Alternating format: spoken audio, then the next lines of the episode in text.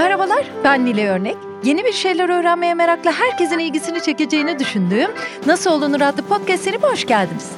Bu seride mikrofonu mesleklerini ustalıkla icra ettiğini düşündüğüm insanlara yöneltip onlara aynı soruyu soruyorum. Nasıl olunur? Bu bölümde konuğum hem senaryo hem de roman ve öykü yazarı, akademisyen Feride Çiçekoğlu. Hoş geldiniz. Hoş buldum. Çok sevinçliyim. Kanımız o kadar kaynadı ki birbirimizi. Önden 40 dakika burada muhabbet ettik. Feride Hanım'ı ne zamandır konuk etmek istiyordum. Ama son aklıma şöyle düştü. Storytel'de uçurtmayı vurmasınlar. Bennu Yıldırımlar seslendirmiş. Ya şimdi ben geçen gün işte Storytel ofisindeyiz bu arada. Bir kitap indireyim de yolda okurum diye bakarken ya uçurtmayı vurmasınlar bu kadar yılın kitabı yine en çok dinlenenlerin arasına hemen ilk haftasında girmiş. Dedim ki Feride Hanım'la konuşsak ya. Sizi konuşturacağım şimdi çok konuştum ama şöyle bir özgeçmişinizi buldum çok kısa. ODTÜ Mimarlık Fakültesi, Pensilvanya Üniversitesi, Mamak Askeri Cezaevi ve Ankara Merkez yani bizim daha yaygın bildiğimiz şekliyle Ulucanlar Cezaevinden mezun. Sonuncusuna borçlu olduğu uçurtmayı vurmasınlar sayesinde sinemaya yöneldi. Halen İstanbul Bilgi Üniversitesi Sinema ve Televizyon bölümünde en sevdiği iş olan öğretmenliğe devam ediyor. Kitapları Can ve Metis'te yayımlanıyor. Böyle aslında editörlük var, yayın yönetmenliği var, senaristlik var, mimarlık mezunusunuz aslında ondan bahsetmek var ama hiç mimarlık yapmadım aslında dediğiniz için akademisyenliğe bağlanmış mimarlık biraz. Onu söylemedim ama aslında mimarlık yani. Vakıf yöneticiliği var, çevirileriniz de var. Tekrar hoş geldiniz diyorum. Hoş buldum. Koşarak geldim, mutlulukla geldim. Siz de biliyorsunuz. Çok güzel. Ve Storytel'de kitabın hikayesini de şimdi sizden duydum. Bilmiyordum. Bennu Yıldırımlar okuyor. Üstelik, Müthiş de okumuş. üstelik Bennu Yıldırımların kulağını da çok yakında çınlattım. Onu da söyleyeyim. Hı. İstanbul Modern'de çok güzel bir iş vardır. Gülsün Kara Mustafa'nın Tamam, tamam. içeriden göründüğü gibi Bennu'yu orada çok Evet. yakında izleyip sevgiyle kulaklarını çınlattıydım. Yani onun okuduğunu şimdi az önce sizden duymak heyecanımı kat ve kat arttırdı. Biraz heyecanlı konuşursam dinleyenler hoş görsün. Çünkü çok heyecanlıyım gerçekten. İkimiz de heyecanlı olabiliriz. Bennu Yıldırımlara herkes bayılmış. Hem buradaki ekip bayılmış hem dinleyenler bayılıyor ama çok da etkilenmiş. Kitabı okurken bayağı sonlarında galiba duygusal zamanlarda yaşanmış. Size bir geri bildirim de yapayım. Duyduğum kadarıyla etkilenmemek mümkün değil. Yani Ulucanlar cezaevi malum müze oldu. Gittiğimde iyi ki müze olmuş burası dedim. Görüyorsun ama bir taraftan da bugün hala aynı şeylerin tekrar ve tekrar sürmesi çok acı veriyor. Keşke eskide kalsa ve biz onu müze olarak gezsek ve çok ayrık bir şey olarak görsek değil mi? Hepimizi ondan çok etkiliyor herhalde. Evet çok güzel ifade ettiniz. Galiba bizim daha bir sıra müzelerimiz olacak öyle düşünelim. yani böyle gülümseyerek söylüyorum, gülerek söylüyorum. Çünkü acıları kahkahaya çevirerek biz yaşadık içerideki süreci. Çok zor zamanlar geçirdik. Şu anda da tabii ki çok zor zamanlar geçiriliyor. Oksijende Nur Sürer'in bir söyleşisi çıktı iki hafta önce. Son paragrafında söyleşi yapan arkadaşımız sormuş. Filmde şöyle bir şey geçiyor uçurtmayı vurmasınlar da siz yere bir uçurtma çiziyorsunuz ve Barış soruyor niye uçmuyor İnci diyor. Ee, İnci de diyor ki uçar bir gün. Bunu orada okumak sanki ben hiç yazmamışım, sanki hiç filmin çekildiğine tanık olmamışım gibi gözüme yaşlar getirdi. Çünkü biz hala uçar bir gün diyoruz ve bunu inanarak ve coşkuyla söylediğimiz iyi ki yeterince çok tanıdığımız arkadaşımız, meslektaşımız var. Ya geleceğe yönelik hep değil mi? Yani Evet. ne filmmiş. Sizin bir mektup hikayeniz var bence. Yani kitaplarınızın isimlerinden, içeriğinden anlıyorum. O senaryodan anlıyorum. Bir cezaevi mektuplaşması var. Ömer Kavur'la sizin mektuplaşmalarınız var. Hep hayatınızda mektup var. Ne kadar güzel ve sizinle ilgili böyle bakınırken, çalışırken demeyeceğim ona. Şöyle okumalar yaparken, ah mektup ne kadar güzel bir yazı türü. Yani ve ne kadar güzel kullanmış dedim. Bir şeyleri temize çekiyorsunuz belki ha? Çok güzel bir noktaya ışık düşürdünüz diyeyim. Siz söylerken ben de tekrardan bir uzun yolculuk yaptım ve kendi geçmişime gittim. Belki beş yaşına gittim. Hayali arkadaşlarım vardı benim. Pek çok çocuğun hayali arkadaşı olabiliyor ama ya sonradan hatırlanmıyor ya kimse sormadığı için üzerinde durulmuyor. Üç hayali arkadaş işte biri Sinan, biri Orhon, Üçüncüyü de biraz düşünürsem hatırlarım. Şimdi üç arkadaş birden var ve ben üçüyle hayalimde konuşuyorum. Demek ki o zamandan ben mektup yazıyorum. Hmm. Bu biraz yalnız çocuk olmanın etkisi diye düşünüyorum. Yani çok... Kız kardeşiniz var. Kaç yaş farkınız beş var? Buçuk, beş hmm. buçuk. Yani demek ki o böyle bir dönemeç ki siz yakalamışsınız onu zaten. Yine aynı beş yaş civarı bir New York seyahati evet. var. Beni çok değiştiren, dönüştüren, benim kendi hikayemde kıymetli bulduğum. Yani 5 yaş civarında kişiliğimizde o zamana kadar ne biriktirmiş oluyorsak galiba onu kendimizi ifade etme biçimlerini de dönüştürme yollarını aramaya başlıyoruz. Ben şimdi bütün hikayeye bakınca şanslı olduğumu düşünüyorum. Yani o zamandan tutturduğum yolda devam ede gelmişim. Ve ne zaman böyle kendimi biraz karanlıkta yolumu kaybetmiş, sanki yeni fikirler artık bana uğramıyor gibi hissetsem hayat bana güzel davranır. Geçtiğimiz hafta öyleydi. Sizin aramanızla da o dedim ki hmm, onaylandı güzel. Hayat bana bu ara yine güzel davranacak. Aman bu fırsatı kaçırmayayım. Şahane yeni bir şeyler yazıyorsunuz değil mi? Evet ve buna inanamıyorum. Hatta yazmaya başladığım şeyi sezip aradınız zannettim beni. Çünkü çok hevesli ve heyecanlıyım ve yani kendimi tutamayıp ipucu vermeye kalkarsam beni durdurun lütfen. Çünkü bitmeden tamam. gevezelik yapmayayım. Çok severek yazdığım yeni bir şey ve Hı. yakın zamanda da okuyucuyla buluşacak diye hayal ediyorum. Siz hangi yazı türünü daha çok seviyorsunuz? Öykü, roman, senaryo? Sevgili Nilay ben biriyle iş yapmayı seviyorum. Hmm. Mesela birine mektup yazmak da gerçek biri olmayınca hayali birine yazmak. Hı hı. Yani uçurtmayı vurmasınlar da tabii içeride onu da dışarı çıkaracağımı düşüncesizce söz verdiğim Barış'a yazdığım zihni mektuplara Barış'ın verdiği cevaplar diye düşünebiliriz. Ve onu filme uyarlamak gündeme geldiğinde sevgili Tunç Başaran'la artık aramızda değil nasıl bir format bulacağımızı çok düşündük. Ben o zaman senaryo nedir bilmiyordum yani o benim senaryo okulum oldu. Senaryo nasıl bir şeydir diye Jale'ye sordum filmin sanat yönetmeni. O anı çok iyi hatırlıyorum çünkü Tunç kitabı bana sat ben de bunu film yapayım demişti. Ben nasıl bir film çıkacak bilmiyorum.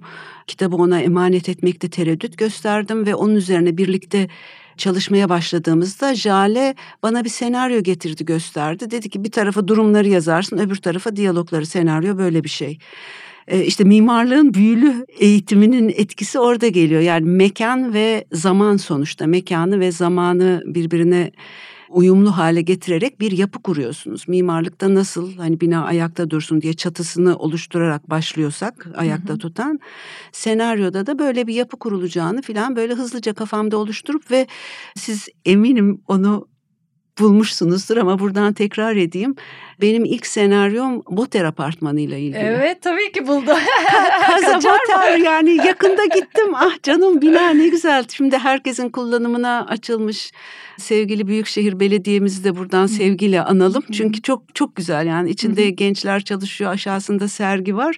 Biz gittiğimizde 88 yılıydı sevgili mimar arkadaşım yine Ali Cengizkan'la birlikte o hmm. öğrencilerini getirmişti. Biz dolaşıyoruz Beyoğlu'nda o apartmana girdik. O hikayeye girmeyeyim şimdi o uzun başka bir hikaye. Benim ilk senaryom odur.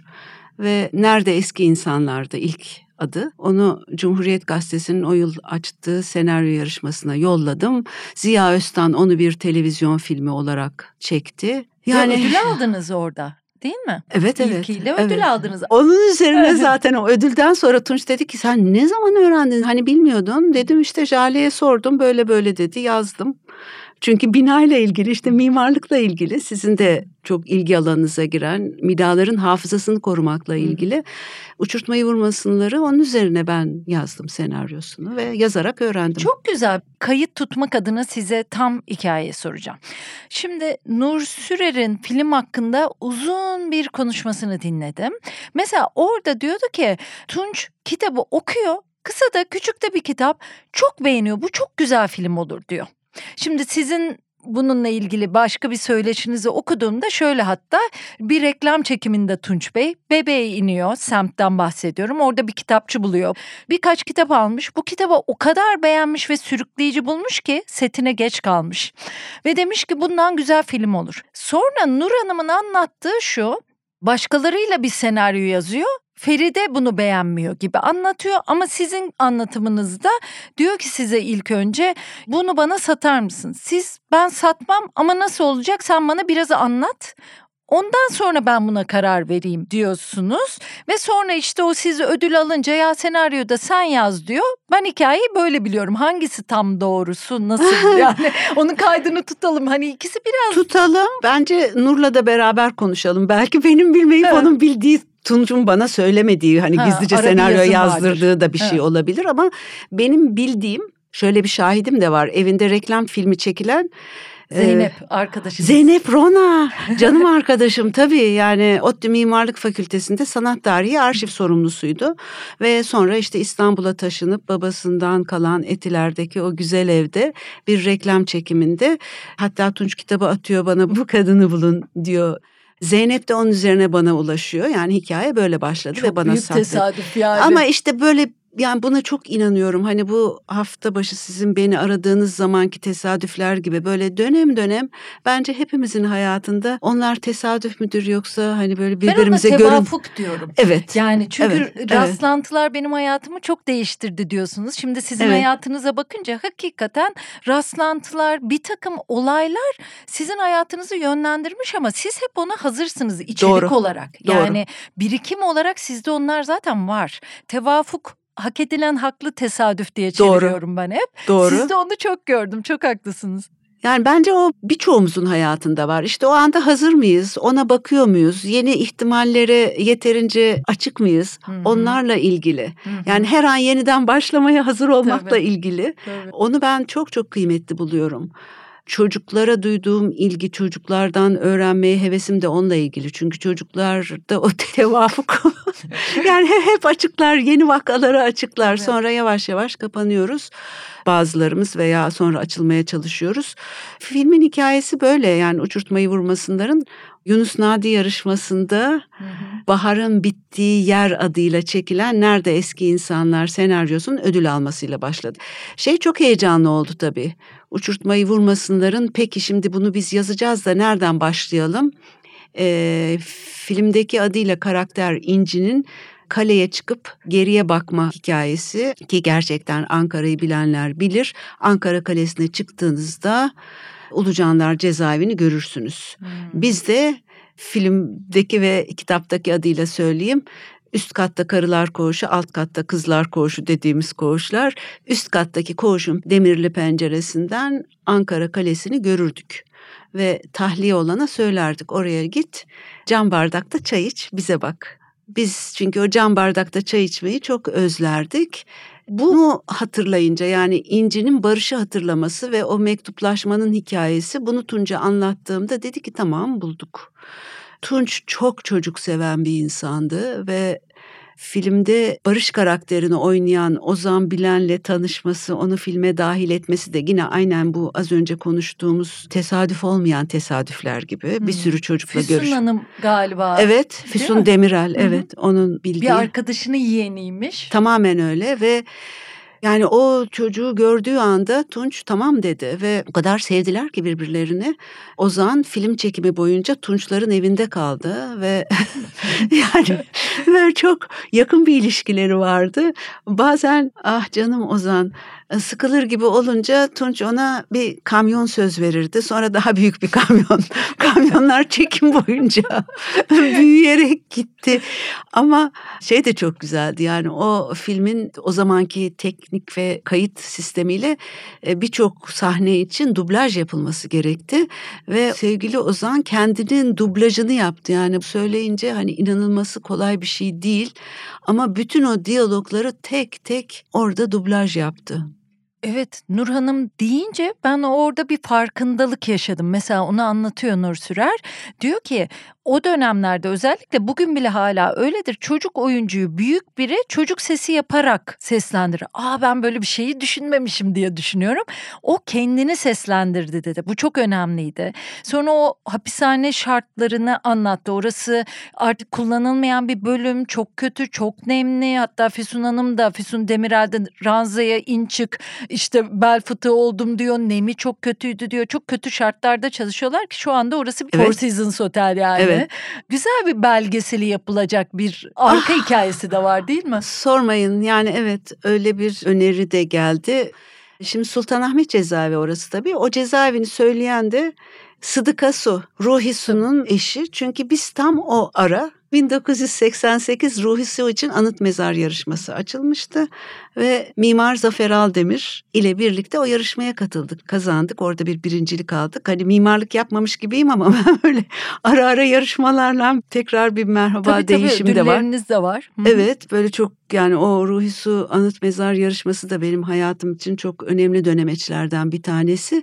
Ve o ara Sıdıka Hanım'la konuştuğumuz sürede bu filmin de yapılma ihtimali çıkınca ona benzer bir yer arıyoruz. Yani benzer derken benim anlattığım hikayedeki cezaevi avlusuna benzer bir yer.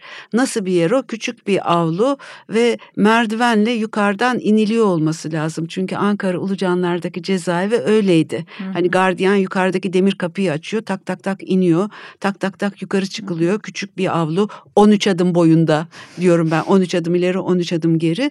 Sıdık Hanım dedi ki aa tam yani ben öyle bir cezaevinde kaldım 13 adımlık yani bu da bir yine cezaevi muhabbeti nasıl bir yer falan ve gidip bakınca Tunç dedi ki tamam bulduk şahane. Ve sonra çok güzeldir kitabın ilk kapağındaki resim Zafer Aldemir onu bir merdivene çıkarak cezaevi duvarına boyadı. Böyle büyük kocaman iki göz gözlerin içinde uçurtmalar uçuyor. Aşağıda da küçücük Ozan Bilen çömelmiş vaziyette duruyor. İlk kapak öyledir. Filmin. Filmin afişi. Laftan lafa atlıyoruz ama Yok, sohbet yok. gibi olsun, hoş görsün dinleyenler dağınıklığı. Posteri bilmiyordum mesela. Çok güzel hikaye oldu. Yani Zafer, Bey'in- Zafer Aldemir paylaşalım. Zafer Aldemir kızımın babası. ben girmiyorum. Evet. Ama çok tabii böyle şahane güzel elleri olan ve ODTÜ mimarlıktan da sınıf arkadaşım ama bizim tekrar rastlaşıp ortak bir hayat yolculuğuna çıkmamız çok sonraya denk geliyor. Zafer bizden e, yaşı büyüktü. O zaman zaten çok yetenekli bir ressam ve heykeltıraştı. Hı hı. Ve e, mühendislik okurken aslında mimar olmaya karar verip gelmişti.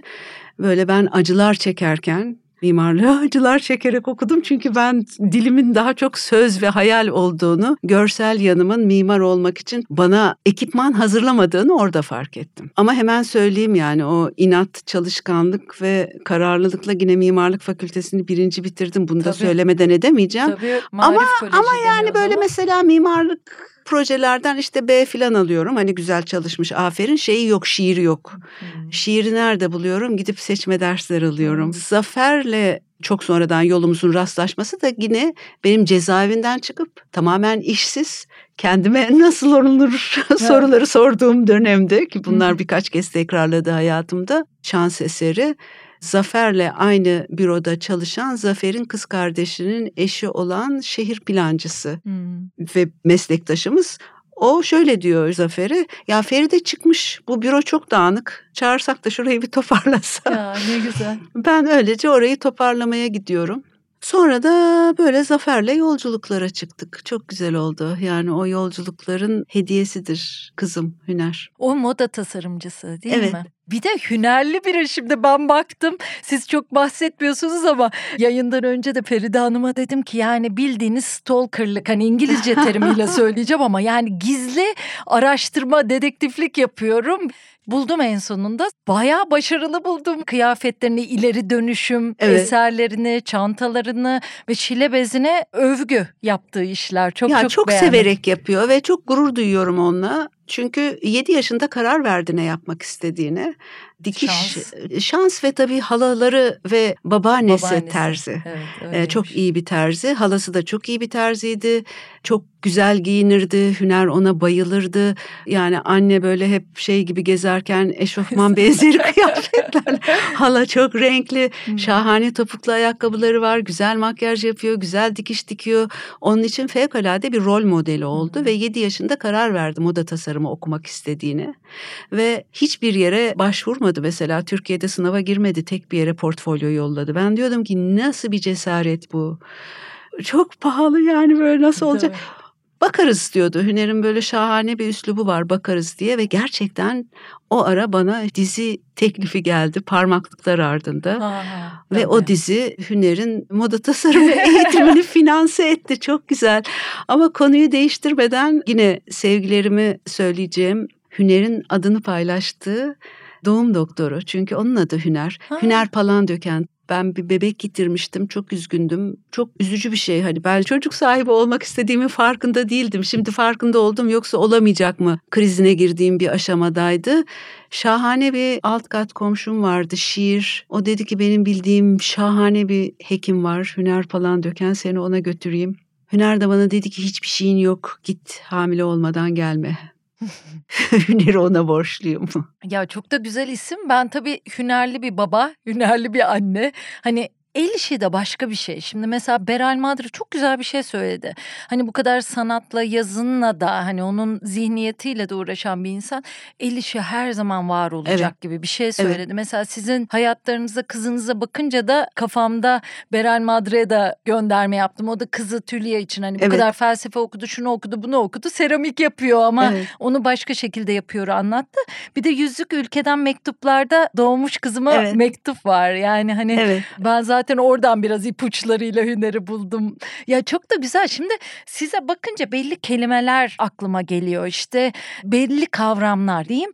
Bir şükran duygusu. Evet. Yani ve o şükranla atıfta bulunma. Asla evet. atlamıyorsunuz. Yani işte kızınızın doğum doktorundan tutun da ben eski röportajlarınızı okudum mesela. Ahmet Uruçoğlu Yön evet. Yayınları ilk kitabımı evet. ya basmasaydı ya Nur Sürer benim kitabımı Erdal Öz'e götürmeseydi. Evet. Erdal benimle o arkadaşlıkla o yayıncım olmasaydı, Tunç o kitabı tesadüfen görmeseydi, film yapmasaydı. Yani sonuçta çok ağır bir travma geçiriyorsunuz. Şimdi biz böyle atlaya atlaya geldik ama çok başarılı bir öğrencisiniz. Çok güzel mi bilmiyorum. Bir hayatınız var sonuçta. Evet. Çünkü dönüştürdüğünüz hayat bir şekilde daha güzel olmuş olabilir. Ama cezaevine giriyorsunuz. Oradan sonra hep birine de atıfta bulunarak iyi ki demeleriniz. Yani o travmaları atlatmak hiç kolay değil. Travmaları dönüştürmek kolay değil. Hepimiz bir şey yaşıyoruz. Bir kötü olay yaşıyoruz. Onu karşılama yöntemimiz. Ona verdiğimiz tepki ve sonradan işte dönüştürme dediğimiz şey bizi biz yapan şey de oluyor. Şimdi size bakınca bunu görebiliyoruz. Dört yıl cezaevi var ve çok ağır bir cezaevinden daha az ağır bir cezaevi var. Bunları konuşalım istiyorum işte. Tabii ki yani, konuşalım. Ankaralısınız. Nihal Hanım mı anneniz? Ona bir evet. yerde rastladım. Çünkü babanızın adı daha çok geçiyor. Babanız da evet. Yargıtay mensubu birisi evet. değil mi? Annem çok İstanbullu yani ruhen hep İstanbullu kalmış olan birisi ve Yeşilköylü hatta yani Aa, İstanbullu'da hmm. olmanın ötesinde sizin de biliyorum Yeşilköy Tabii Bakırköylüyüz biz de. Ataköy, Bakırköy, Yeşilköy böyle üçlü bir semtçilik diyeyim Semtçi ona. kesinlikle tabii. yani o da hani böyle sorunca İstanbul hayır ben Yeşilköylüyüm diye ben onu e, vurgulardı. Yani çok hikayesi vardı annemin Yeşilköy'le ve ailesinin göçmüş olduğu Rumeli ile ilgili. Hmm.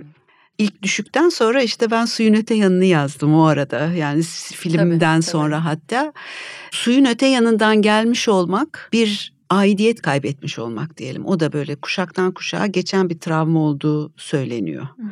Yani bir köksüzlük duygusu. Şimdi o köksüzlük duygusunu e, travma olarak algılayabiliriz veya şans olarak algılayabiliriz. Hani Çok her doğru. istediğimiz yere kök salabiliriz diye. Bence hele dünyanın şu anki durumunda bir anda böyle ciddi bir atlayış yapmış gibi oldum ama bu aidiyetsizlik ve köksüzlük o kadar yaygın ki tam da hani her yere aslında kök salabiliriz şeklinde bunu dönüştürmeye çok ihtiyacımız var. Evet. Yani 20. yüzyıl başında işte annemin ailesi bir kısmı 1914'te bir kısmı 1923'te mübadeleler, Balkan savaşları o sıralarda gelmişler ve oradaki e, her şeylerini kaybederek yani burada verilen onun karşılığında evler, işte hatta Bakırköy'de konak, hmm. e, annemin baba tarafı ailesi ama hiçbir zaman tabii o bıraktığınız gibi olmuyor. Çünkü bıraktığınızı hafızanızda çok daha iyi, e, çok iyi daha güzel, o şey geçmişte şey kalan tabii. bambaşka o nostalji denen hmm. şey yani aslında var olmayan bir geçmişi inşa ediyorsunuz ve sürekli onu özlüyorsunuz ve bunu sonraki kuşaklara da aktarıyorsunuz. Yani annemden bize bu geçti, bana özellikle bu geçti. Hani en güzel şeyler geçmişte geçmişte yaşanmış. Bugün fena bir şey gibi. Herhalde ben de onu iyileştirme görevi hissettim. Yani bu şimdilerde kavram olarak adı geçen Türkçe'de nasıl söyleriz? Ebeveyne ebeveynlik etmek gibi. Onun getirdiği bir hüzün duygusu da oluyor tabii. Yani hayata öyle başlamışsak zaten bütün ilk andaki dürtülerimiz o hüzünle baş etme, başka çocukların gözlerinde o hüznü gördüğümüz zaman onları sağaltmaya çalışma, onlara çıkış yolları veyahut da hani hayatın aydınlık yanlarını gösterme çabası olabiliyor. Ben de bütün bunları tabii cezaevindeyken çok fark ettim. Şimdi zor cezaevi dedik. Zor cezaevinden birkaç anı aktaralım. Zor cezaevi dediğimiz Mamak Ankara'da. İstanbul'da işte Metris vardı. Diyarbakır'daki çok daha korkunç olduğunu sonradan öğrendik. Yani bu askeri cezaevlerinde olay abartmadan söylüyorum hayat memat meselesiydi. Yani çok ağır işkence vardı. Çok fazla nasıl diyelim söyleyelim adıyla çok dayak vardı. Yani her sabah ve her akşam sayım bahanesiyle çıkarılıp sıraya dizilip sürekli coplanıyorduk biz. Ve bununla baş etmenin yöntemi içeri girince yani koğuşa girdiğimizde tuzlu su yapmak, ellerimizi basmak ve sayım dansı adını verdiğimiz sayımda kim nasıl cop yiyor buna dair böyle bir tiyatro oynamaktı. Bizi ayakta tutan buydu. O dönemlerde görüş yasağımız da oluyordu. Yani ne çektiğimizi kimseye anlatma şansımız da olmuyordu. Ve ona da insan yaratıcılığı müthiş tabii. Şöyle bir yöntem bulmuştuk. En sona geçen en ağır dayağı yiyordu. Sebep şu komutanım demesi bekleniyor. Bizde işte kadınlara askerlik yok komutanım demiyoruz böyle bir yasal gerekçeyle en sona geçen yani o gün çok dayak yiyeceğini biliyor böyle söyleyelim. Bu işi tesadüfe bırakmamak için kimin üç gün sonra mahkemesi varsa en sona o geçiyordu. Çünkü dayak yiyor, çürüyor ve mahkemede gösteriyor. Fakat kimimiz bir günde çürüyoruz, kimimiz üç günde çürüyoruz, kimi yeşeriyor, kimi morarıyor. yani gülerek anlatıyorum çünkü gülmekten başka çareniz yok. Yani insanın insana yaptığıyla baş etmek için mizahtan başka kendimizi savunma yöntemimiz yok. Tabii ben birkaç bölümde söylemişimdir. Bu Allen'ın bir komedi kuralı var. Trajedi artı zaman eşittir komedi diye. Doğru. Tabii bunda siz onu anlatıyorsunuz. Yaşayan olarak o komediyi siz Evet. dönüştürebilirsiniz. Ben dönüştüremem. Evet. Yani bana hala uçurtmayı vurmasınları tekrar okumak bile çok fena geliyor. Ben o anımı anlıyorum yani burada seslendirirken bile nasıl dağıldığını ya da filmde tabii anlıyorum. İçini karartmayalım dinleyenlerin. Bazen de konuşmak gerekiyor çünkü işkence deyip geçiyoruz. O bir Hmm. kelimeye dönüşüyor ya. Çok insan sorar nasıl olunura katılanların ortak özellikleri nelerdir? İşte meraktır, çalışkanlıktır. Cezaevine girmiş olmak Türkiye'de. yani 190 konuğun 40 ya da 50'sinin hani sayıp döküm yapmak lazım. İşte Ömer Madrası'ndan Zülfü Livaneli'sine cezaevine Evet. giren o kadar çok insan var ki çok garip bir Türkiye gerçeği bir taraftan da. İşkence deyip geçiyoruz. 55 gün işkence ne demek? Evet ağır ağır yani şimdi tabii gülerek baş etmeye çalıştık Hı hı. geçmişte de ve şimdi de gülerek anlatma çabası içindeyim. Ama yani keşke mizahı o şekilde kullanmak zorunda kalmasak. Değil mi? Değil mi? Bizden sonraki kuşaklar o şekilde kullanmak zorunda kalmasa. Çünkü mizah birçok alanda bulunabilir. Cezaevinden ve işkenceden artık bulmak zorunda kalmasak diye geçiyor gönlümden. Çünkü insan malzemesi çok yavaş değişiyor ve Türkiye'de işkence yani fiziksel işkence hala vardır yoktur buna girmek istemiyorum ama aşağılama, dışlama, ötekileştirme, içeride tutma bunların olduğunu biliyoruz. Bunlar sır değil. Çok bir şey değişti, Hı. değişmedi bilemiyoruz Hı. ve kendini tehdit altında hissetme ne yazık ki bugün hala pek çoğumuz için geçerli. Ee, bunlar çok üzücü şeyler. Yani Gülşat'ın örneğini bahsedelim. Gülşat Aygen çok şahane bir e, söyleşi yapmışsınız onunla. Hmm, sağ olun. Benim için de çok özel gerçekten. Çok etkilendim ben. Yani Gülşat Aygen evet Noam Chomsky ile e, çalıştı. Harvard'da okudu. Şu anda yurt dışında çok tanınan bir dil bilimci. Ama Gülşat hep Türkiye'de olmayı tercih edeceğini söyleyen bir insan. Niye gitti? Niye gitmek zorunda kaldı? Bugün niye bir sürü genç insanımız gidiyor? Benim gerçekten çok üzüldüğüm bir şey bu. Hı hı. Yani şimdi akademisyen yanım çıkacak ortaya. Öğrencilerimin yurt dışına gitmek istemesi beni çok incitiyor. Öyle olmasa keşke. Gitmek istemesinden çok mecbur kalarak gitmek neredeyse O anlamda değil mi? söylüyorum. Tabii, yani tabii, tabii. orada Onun "Aa, için eğitimimi söylüyorum. geliştireyim de buraya döneyim Tabii. gibi değil. Burada artık bana var olma hakkı yok, diye diye. gitmek Tabii, istiyor. tabii, tabii. Yani ben de ısrarla diyorum ki hayır öyle değil kalın bak ben de kaldım. Bana diyorlar ki hocam siz gidebilirdiniz niye gitmediniz? İstemedim asla istemedim. Bir vapura bindiğimde İstanbul'da denizin üstünde güneşi gördüğümde bir martı uçtuğunda hala ağlayan biriyim ya buradan uzak kalmış Hmm. olsaydım diye. Çünkü gidenlerin de burayı çok özlediklerini biliyorum. Bir sürü hocamız, bir sürü öğrencimiz gitti, gitmek zorunda kaldı. Buraya döndüklerinde çok mutlu oluyorlar. Sizin bu kadar New York aşkınız küçükken bir görüyorsunuz Evet. çok etkileniyorsunuz. Yani Ankara'dan babanızın işi Hasan Kemal Çiçekoğlu'nun işi nedeniyle gidiyorsunuz. Öyle bir dünya adamı var. Evet. Çin mahallesinden İtalyan mahallesine böyle kolayca mı geçiliyor? Nasıl oluyor da bu kadar kültür, yemek değişik, her şey değişik. Ona rağmen ben de niye gitmediğinizi merak ediyordum. Yani bu kadar aşık olup da Türkiye'de kalmak. Çok da güzel açıkladınız. Hakikaten Gülşat Aygen'e de bakınca ki biz dil bilim konuşacaktık ve çok kısa anlattı aslında. 6 Evet. dakikaya bütün o hayat hikayesini sığdırıp sonunda hepimizi ağlatıp böyle duygu durumları tüyler diken diken müthiş bir hayat hikayesi. Sonra Tarık Bayazıt işte Çanga restoran vesilesiyle Savaş'la Tarık'ı da konuk etmiştim bu seriye. Tarık bana bir video gönderdi. O bölümü dinledikten sonra ve o videoda Metris cezaeviydi galiba annelere görüş günü. Onu da böyle bir propaganda gibi televizyon kanalı çekiyor. Biz bu kadınlara iyi davranıyoruz gibi. Gülşat Aygen'in bana gönderdiği bir fotoğraf var Amerika'dan yayını tanıtmam için gönderdiği.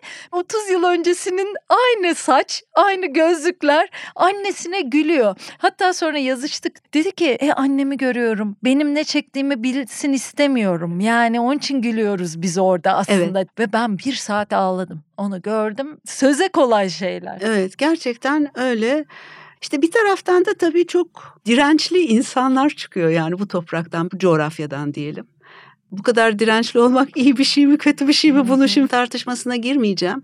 Ama hem burayı çok seven hem de hakikaten kararlılıkla ve ısrarla burada iyi olunmasını isteyen çok fazla insan var ve bu bana her şeye rağmen çok iyi geliyor. Biz de o dönemde sağlam kalmamızı bence Gülşat benim işte böyle bayağı ranza arkadaşımdı kısacık bahsettim size. Güçlü kalmamızı başımıza gelen ve çektiğimiz her şeyi konuşarak bence başardık. Yani o büyük bir kıymetti bizim için. Çünkü bunu sakladığınız, içinize gömdüğünüz üzücü bir şey olarak hatırlamayı veya hatırlamamayı seçtiğiniz zaman o sizin bünyenizde tahribat yaratıyor. Hmm. Ve yine cinsiyetçi görünmeyeceğimi ümit ederek bir şey söyleyeyim. Kadınlar çok daha dirençliydi. Yani biz bize dayatılan Mamak'ta askeri eğitimi yapmadık. Ee, önemli bir kısmımız bizi A blok denen işkencenin çok daha yoğun olduğu yere taşıdılar. Oradaki A blok birinci koğuşta böyle 35-40 kişi işte bize özel olarak daha çok baskı yaptılar. Ama şey yapmadık yani böyle işte çürük çeşitleri biriktirerek sayım dansı dediğimiz şeye gülerek bir şey daha var. Mamak A bloktan kitap vermiyorlar bize hiçbir şey yok okuyacak bir şey de yok. Yani öyle daha ne bileyim hani 20 kişinin kalabileceği koğuşa 40 kişiyi doldurdular ve günde iki kere çıkarıp dövüyorlar ta ki şey diyene kadar biz sayımda sayacağız ve en sondaki komutanım diyecek. Bütün çaba bu. Ne kadar çaresiz aslında bu baskıcı olanlar öyle söyleyelim. Hmm. Küçük de görüyorsun yani değil mi böyle? Tabii tabii ama yani tabii üstünden zaman geçince çünkü o size eziyet ederken Hmm. evet içinizden küçük görüyorsunuz ama yani bir Tabii. taraftan da hani o güç onun elinde oluyor. Neyse bizim okuyacak bir şeyimiz de yok. İşte bizi C blok denen yerden A blok denen yere taşıdılar. C bloğun daha bir bahçesi falan vardı. Raci Tetik analım. Sadece sevgiyle andıklarımızı değil, unutmamak gereken isimleri de analım. Yani o şahsen işkence yapan bir cezaevi komutanıydı. Ve bizi C bloktan A bloka taşırken sizin burnunuzu sürteceğim dedi. 40 kadın yani zaten orada hani tutuklu. Zaten bir ceza çekiyor hani haklı haksız her neyse.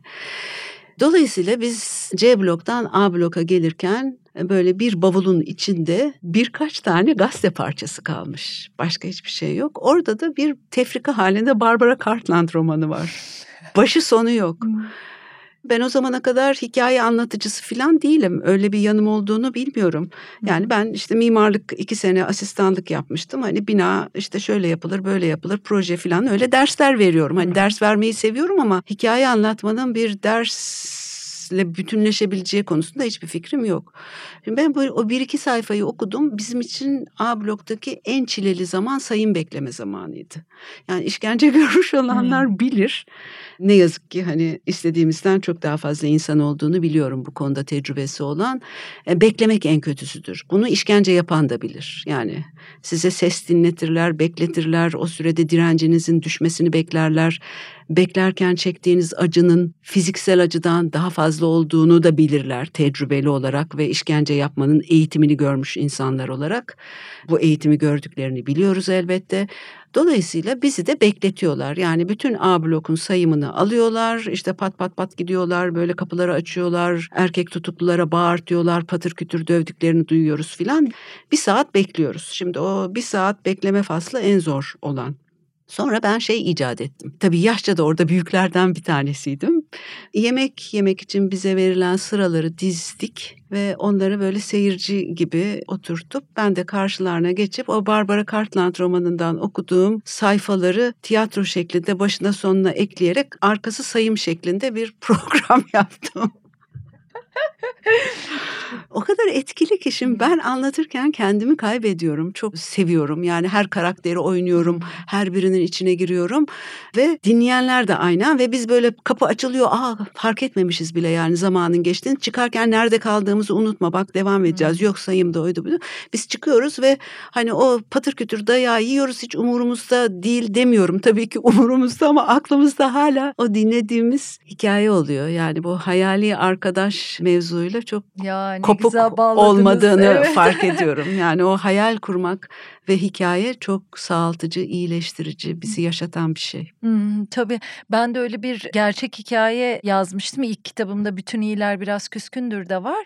Yahudilerin cezaevinde hayatta tutunmaları evet. yemek tarifleriyle oluyor. Evet. Yani o kadar açlar, yemek verilmiyor ve ah. işte ne bulurlarsa yani ah, kağıtta bulamıyorlar, benim, evet. çarşaflara bilmem kimin lezzette erik sosu falan böyle birbirlerine tarif paylaşımı yaparak hayatta hayatta kalıyorlar. Yani çok enteresan, hep bakılması gereken bir psikoloji aslında. Ne kadar anlayabiliyorum bir taraftan da. Tam da bu dediğinizi biz de yaşadık. Çünkü açlık grevi yaptık. Hmm, evet bir de yapmışsınız evet. Yani bize artık askeri eğitim yaptırmaktan vazgeçmişlerdi. Ama erkek tutuklulara yaptırıyorlardı. Onlara destek olalım diye onlar açlık grevine başlamışlardı. Biz de başladık. Bizim süresi belliydi 10 gündü. Erkekler süresiz başlamışlardı. Paylaşmada ne demeyeceğim. Galiba üçüncü gün filan çoğu erkek koğuşu vazgeçti ve erkeklerin açlık grevi kırıldı. Biz 10 gün devam ettik. Ve o 10 günde paylaştığımız yemek tarifini size anlatamam. Ya. Yani sadece yemek tarifi, yemek konuşuyoruz sadece. Hmm.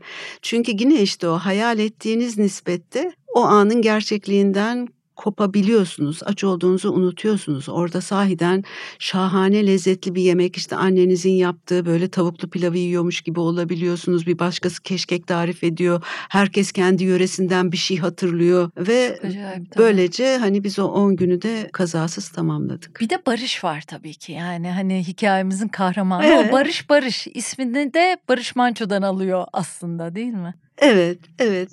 Kitabın sonuna yazmışım. Ondan özür dilemişim adını değiştirmediğim hmm. için. Bir de İbo'yu değiştirmemişsin diyor onun ağzından. Yani böyle hani çocuklar da alınabilirler diye. Gerçek Barış da sonradan sahiden alındı. Üzüldü adımı niye kullandı diye. Haklıdır bence. Onu da anmış olalım. Çok müteşekkirim. Hayatımı değiştirdi. Hem içerideki arkadaşlığıyla sonradan hikayesini bana emanet ederek. Hmm Lafı gelmişken söyleyeyim. Şimdi de kendi sesi olmayan, kendi hikayesini anlatamayacak birinin ağzından bir hikaye yazmaya başladım. Ama bu sefer izin aldım en baştan. Onun için umuyorum bu sefer öyle bir kırgınlık yaşanmayacak. İsmini Barış Manço'dan alması bile bir hikaye Evet. aslında. O hikayeyi bütünleştiren bir şey. Evet. Değil mi? Yani Evet. Evet. çocukluğunuzdan bahsediyorduk. New York var, geri dönüyorsunuz, Ankara'da eğitiminizi bitiriyorsunuz, mimarlığa giriyorsunuz. Çünkü çok başarılı bir öğrencisiniz. Mimarlık o zaman popüler bir şey. Kendinizi kanıtlamak, çok çalışkan olmakla da alakalı bir şey. Ailenize Tabii de. puan yüksek yani. Hani Hmm. puanın ziyan olmasın diye bir muhabbet vardı o zaman. Ne yazık ki hala var. Yani Evet. diyelim ki birisi sinema okumak istiyor. Aa bu puanı sinemada mı ziyan edeceksin? Hı hı, Sen git elektronik mühendisi ol diyorlar. Tabii. Bitiriyor. Diplomayı ailesine hediye edip gelip master yapıyor mesela. Evet. Veya hukuk. Hı hı. Hukuk okuyan öğrencilerim var öyle yani sonra sinemaya dönen. Bazı söyleşilerinizi dinlerken genç öğrencilerle yapılan söyleşilerle de mesela siz soruyorsunuz yani onlar size soruyorlar siz de onlara soruyorsunuz. Annen baban senin ne olmanı istiyordu hani gibi sorularınıza rastlıyorum yani. Çok yapıyorum onu. Evet. Kızımın hoş görmesini dileyerek ona ait bir şey anlatacağım. O 5-6 yaşlarındaydı. Annemin çok sevdiği bir arkadaşı vardı. Biz hep beraberiz. Kızıma soruyorlar. Ne olmak istiyorsun? Ben dansöz olacağım diyor. Çünkü Çünkü dans da çok seviyor. çok seviyor Dans ve hala işte böyle tütüler, danslar falan böyle bir şeyler. Ee, annemin arkadaşı böyle çok kaygılanıyor. Diyor ki bak sen önce mimar ol annen gibi. Bunu hobi olarak yap. O diyor ki hobi nedir? Ben dansöz olacağım. Kim ne istiyorsa onu olmalı ve o istediği alanda olduğu zaman zaten o alanda yıldızı parlar onun. Hı. En önemli şey mutlu olur. Yani çocuklar mutlu olsun diye benim bir önceliğim var. Burada böyle bir self terapi yapmayayım ama mutlu olmak için kendim çok çaba harcadım. Yani belki de sonraki yani bu şükran duygumu ona borçluyum. Hmm. O kadar da belki zor olmamalı. Yani ne bileyim her çocuk neşeli olmayı hak ediyor. Bu arada yeni yazım sürecine başlamasanız ikinci üniversite bitireyim, Evet. çocuk gelişimi Evet. okuyayım diye bir hayaliniz varmış Evet değil evet mi? çok iyi. O da gayet yeni yani bir söyleşi yaptık Zoom üzerinden. Otoetnografi yöntemi üzerine çalışan bir grupla. Otoetnografi akademik katı ve mesafeli olmalı denen tez yazma sürecine farklı bakış açısı getiren ve son 2-10 yılın ürünü olan şahane bir yeni yöntem. Kendi hikayenizden yola çıkarak akademik tez yazıyorsunuz. Hmm. Ve ben bunu çok kıymetli öğrencim Hande Çayır'a borçluyum. Hande kendi hikayesi üzerine bir belgesel yaparak yüksek lisans yaptı. Sinema televizyonda Bilgi Üniversitesi'nde.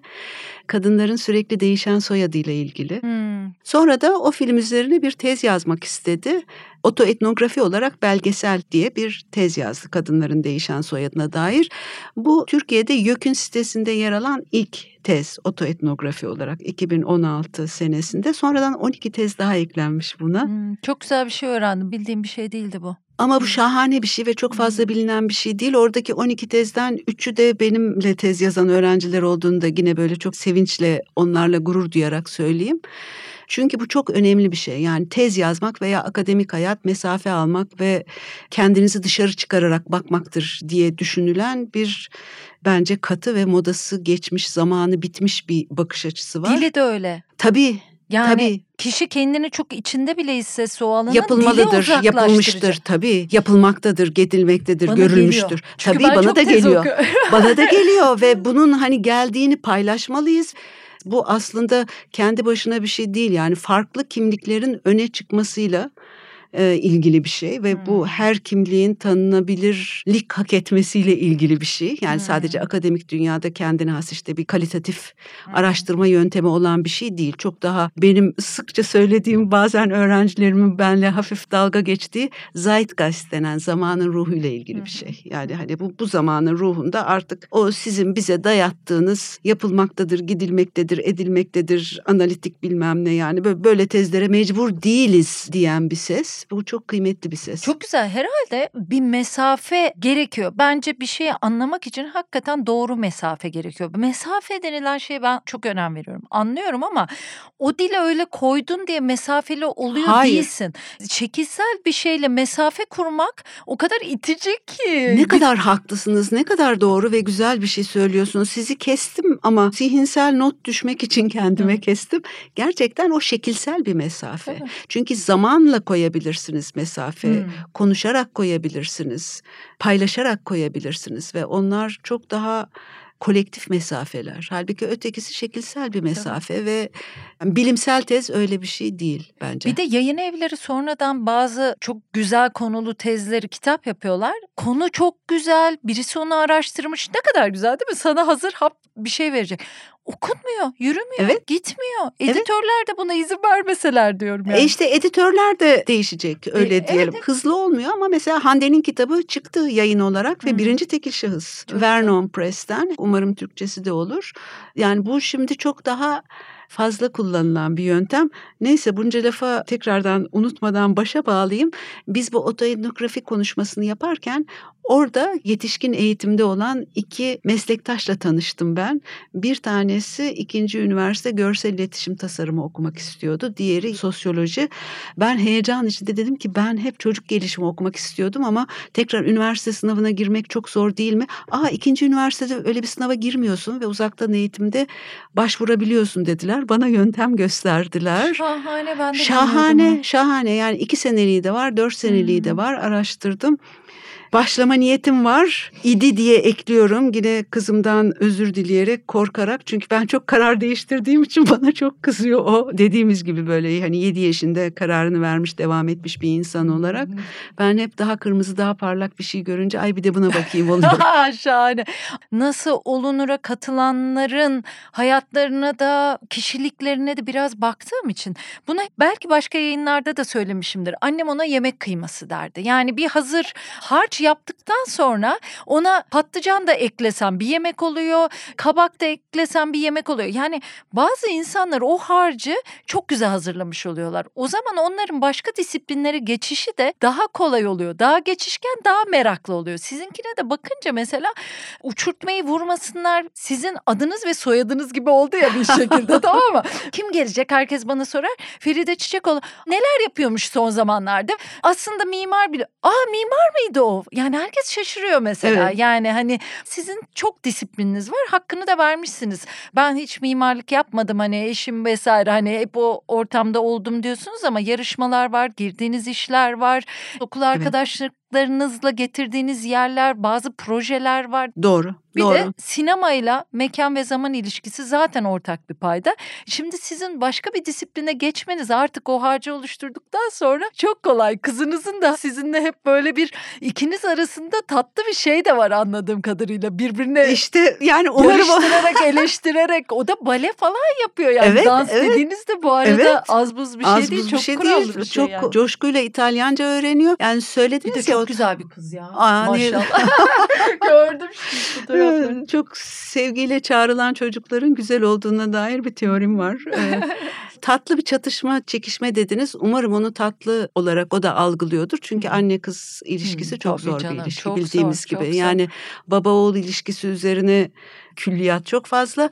Anne kız ilişkisi üzerine yeni yeni daha çok yazıldığına tanık oluyoruz. Çünkü kadınların sesi yani onu kadınların hmm. kendi hikayelerini anlatma ve duyulur olma, görülür olma hikayesi ne yazık ki yakın zamanlarda daha çok öne çıktı. Kadınlar hep vardı hmm. ama mesela sinemanın ilk zamanlarında şahane kadınlar olmasına rağmen sadece montajda değil yönetmen olarak da birçok kadın olmasına rağmen o sinema tarihi içinde onlar bir şekilde silinip geriye düşmüşler Edilmiş. ve kanon dediğimiz şey işte hmm. Hitchcock'la başlıyor bilmem kimle devam ediyor filan yani ben mesela artık o kanondan fevkalade sıkılmış durumdayım. Çünkü yazılmayan ve o tarihin dışına düşen kadınların hikayesi çok daha enteresan. Hmm, çok güzel bir şey söylediniz. Tabii anne kız ilişkisi de iki ters bir düz haraş örgü gibiyiz yani. Bütün anne kızlar böyle bence. Tabii. Yani kolay mı o ilişkiyi Elbette. kurmak? Elbette çok zor ve üzerinde çalışıldığında çok kıymetli, çok zevkli bir ilişki. Bana soracak olursanız ben anneme çok şey borçluyum. Bir kere benim cezaevi sürecimde muazzam destek oldu. Hmm. Ona işte çok büyük bir şükran doluyum. Hmm her zaman yanımdaydı. Babam da öyle. Yani ben tek başıma yargılandım. Gurur duyarak söylüyorum. Çünkü çok o ağır işkenceler şunlar bunlar dayatılan, kabul ettirilmeye çalışılan yalan yanlış herhangi bir şeyi üstlenmediğim için hiç yani Gülşah da söylüyor yani o dönem on binlerce insan gibi girdik yani bir şeyler kabul ettirilmeye, dayatılmaya çalışıldı. Tek başıma yargılandım. Avukatım babamdı. Dinleyici kısmında da annem ve kız kardeşim oturuyordu. Bu arada sizin niye cezaevine girdiğinizi de söyleyelim. Hangi suçlamayla? Komünizmi yaymak mı, desteklemek mi? 141'e 5 efendim Evet. artık Ha. var olmayan bir Ha, madde. evet. Hepimizin alacağı var. Hmm. Bir taraftan da karma denen şeye inanıyorum. Hmm. Siz güzel dönüştürmüşsünüz. Çok dostum o dönemde işte cezaevlerinde bulunmuş belli sol hareketlerin içinde en yakın arkadaşlarım o dönem yani. Hatta işte bir takım olaylar oluyor. O kadar hikayelerini dinlemişim ki kendi hikayem zannediyorum yani hani. Ama o dönüştürme kolay olmuyor. Mesela eve dönmenin yolları Alejandro Zambra'yı çok severim.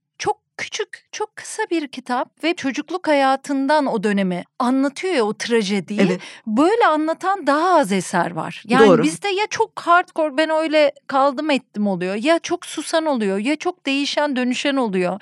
Doğru. Hani benim dışarıdan gözlemim haddim de değil. Çünkü ben onları çekmiş biri değilim. Ama güzel dönüştürenleri de belli bir takdirle anıyoruz. Bir de sizin sol dünyaya yakınlaşmanız aslında ODTÜ sol hareketin çok güçlü olduğu bir yer.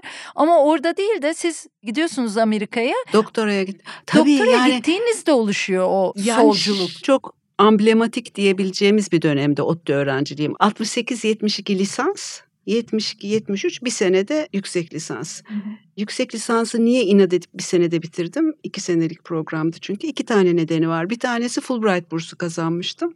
Onu doğrudan doktoraya kullanmak istiyordum. 25 yaşında da doktorayı bitirip döndüm. Niye acelem vardıysa yani böyle hani hızlıca hayata başlayacağız. Ne kadar genç evet. Şimdi akıllıca bulmuyorum çünkü o yaşta tam ne yapmak istediğinizi 20'lerin ortasında tam da bilemiyor olabiliyorsunuz. Şundan anlatıyorum bunu. 68-72 lisans döneminde sonradan hikaye olarak anlatılan birçok şeyin yaşandığı dönem. Hmm. Sinan Cemgil okul arkadaşım benim. O da mimarlıkta. Üçüncü sınıftaydı. İşte Ertuğrul Kürkçü keza. Yani o dönemin siyasetiyle adı anılan birçok isim o dönemde bizim rastlaştığımız isimler. Sinan'ı kesinlikle dışında tutayım. Hakim olan hava için şimdiden geriye baktığımda daha net görebiliyorum.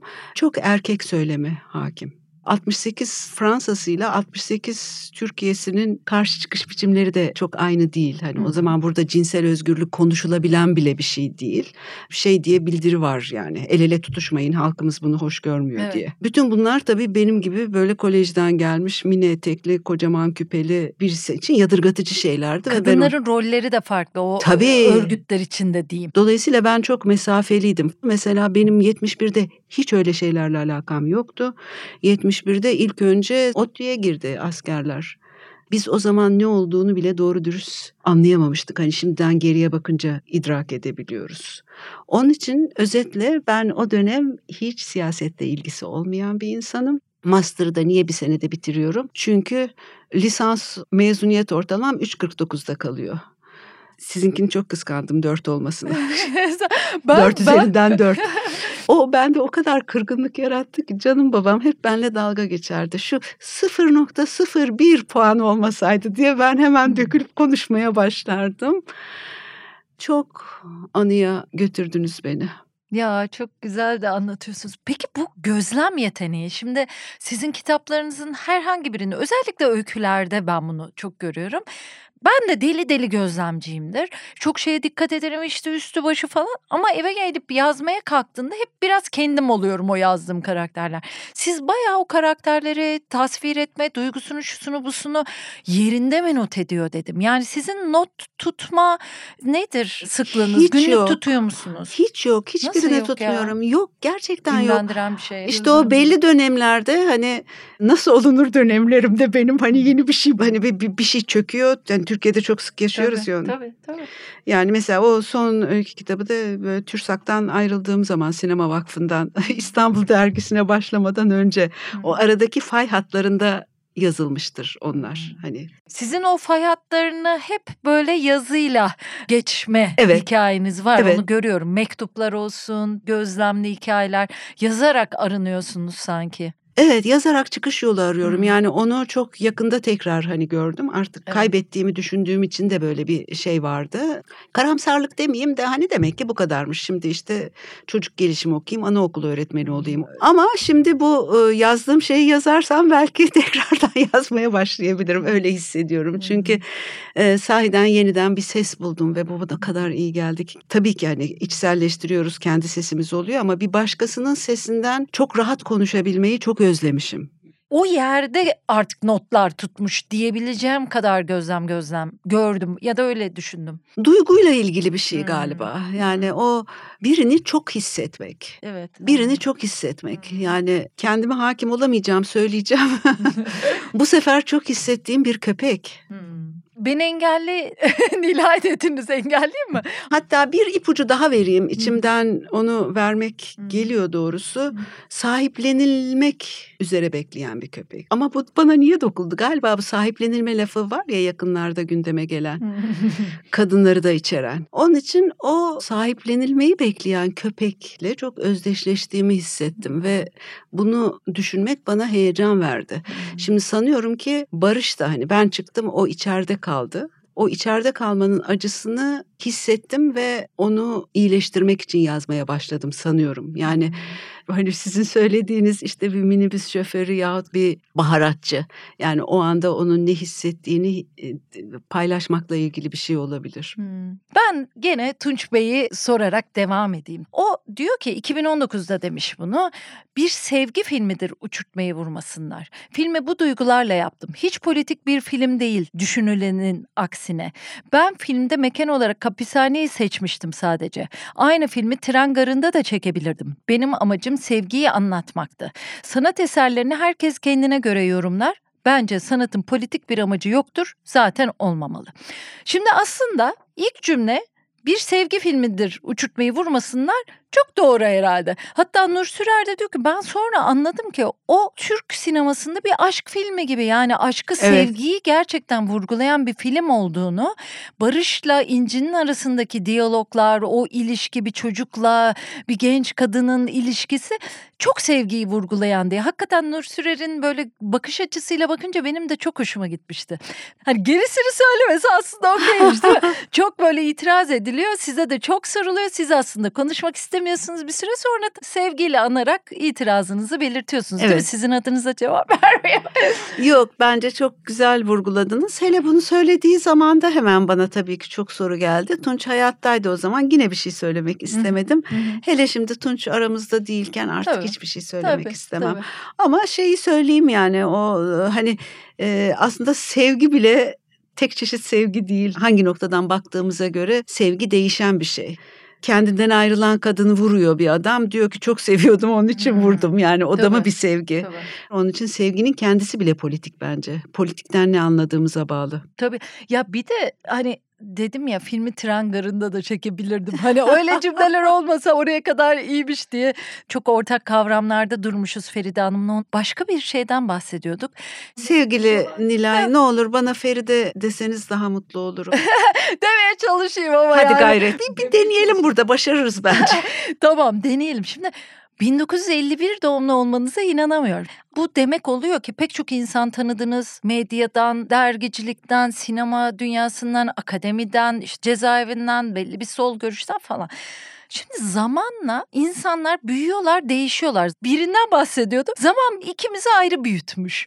Evet. Bu çok güzel bir kavram yani. Evet, evet. Bu da olabilir aslında yani. Bu oluyor zaten çok sık evet, evet. oluyor. Ve... Ama biz bunu bir gerçek olarak kabul etmiyoruz. Ya o evet. adam da nasıl değişti? Bu kadın da nasıl değişti? E değişiyoruz. Ama çünkü zamanı lineer bir şey olarak evet. kabul etmek öğretiliyor ya bize. Bu evet. da öğretilen bir şey aslında. Evet. Hani tamamen aslında endüstri devriminin, modernizmin belli tür bir tarih anlayışının ürünü. Öyle bir şey değil yani zaman içinde yaşadığımız zaman nasıl hissettiğimizle ilgili. Bunu da bence her birimiz kendi hayatımızda hissediyoruz. Bir de insanın özelliği hayvanlarda ne kadar var bilmiyoruz. Yazdıkça öğreneceğiz. Zamanda ileri ve geri gidebilmeleri zihinlerinde. Yani birçok zamanı aynı anda yaşayabilmeleri. Bu konuda da Henry Bergson'a çok şey borçluyuz. Yani geçen yüzyılın başında bu zamana çok kafayı takmış olan birisi. Sebepsiz değil çünkü her şey çok hızlı değişiyor. Şehirler değişiyor. Sinema yeni bulunmuş. Sinemaya çok ilgi duyuyor. Sinemanın lanetli bir anlatı olduğunu düşünüyor. Neden? Durağan karelerden hareket yanılsaması yarattığı için. Sinemayı sevmediğini zannediyor ama sinemaya dair ilk teorik bilgiler ondan geliyor ve onun çok kıymetli bir kavramı var. Süreç denen şey. Yani hani insanlar için zaman çizgisel bir şey değil. Ee, geçmişi ve geleceği içeren ve nasıl yaşadığınızla ilgili bir süreç. Bunu daha çok hatırlasak bence işte yaşlarımızı, doğduğumuz tarihleri ve kronolojik hayat hikayelerimizi geride bırakabiliriz. ne ee, kadar güzel duran karelerden hareketli yanılgı Evet, çok, evet, çok, evet çok, çok her okuyuşumuzda taze şeyler edinebileceğimiz bir filozof. Bir parantez açayım mı? Çok önemli bir film gösterilecek. Unutma biçimleri. Burak Çevik. Burak Çevik'i lise öğrencisi olduğu zamandan beri tanıyorum. Gurur duyduğum, sevdiğim, coşku içinde bahsetmek istediğim, şimdi şekilde gördüğünüz gibi bir meslektaşım. Bu unutma biçimleri ve hatırlama Burak'ın çok küçük yaştan itibaren kafasını taktığı bir mesele. Yüksek lisans öğrencimiz oldu. Unutma biçimleri İstanbul Modern'de bile 14 yıl gösterilmeyecek, 14 yıl sonra gösterilecek. Aa, ne enteresan. Daha önce nerede gösterildi derseniz MoMA'da gösterildi. Açılışını Berlinale'de yaptı. Festival yolculuğu uzun. Burak Bergson'dan çok etkilenmiş olan bir sinemacı. Bergson'a da onun için referans verdim zaten. Bu zamanda çakılı kalmakla zamanı bir süreç olarak yaşama meselesi onun çok zihnini meşgul eden bir konu. Hı hı. Ve geri dönecek olursam ben hakikaten yaşımı hissetmiyorum. Bazen tuhaf şekilde hissetmiyorum. Yani bir düşünüyorum böyle davranmamam lazım gibi geliyor. Ee, sonra dinleyenler görmüyor söylemiş olayım. Saçımın mavi olması ben hep toplu taşım kullanan biriyim. O toplu taşımlarda çocukların o kadar ilgisini çekiyor ki mesela o bana coşku verdiği için saçımı mavi yapmaya devam ediyorum. Çünkü anneler ne gösteriyorlar? Bu nasıl bir kadın? Veya bu saç nasıl? Veya kimisi gülüyor, kimisi şaşırıyor oluyor. Onun için zamansız olmak bence şahane bir şey. Yani ben zamansızım demiyorum. Keşke öyle olabilsem.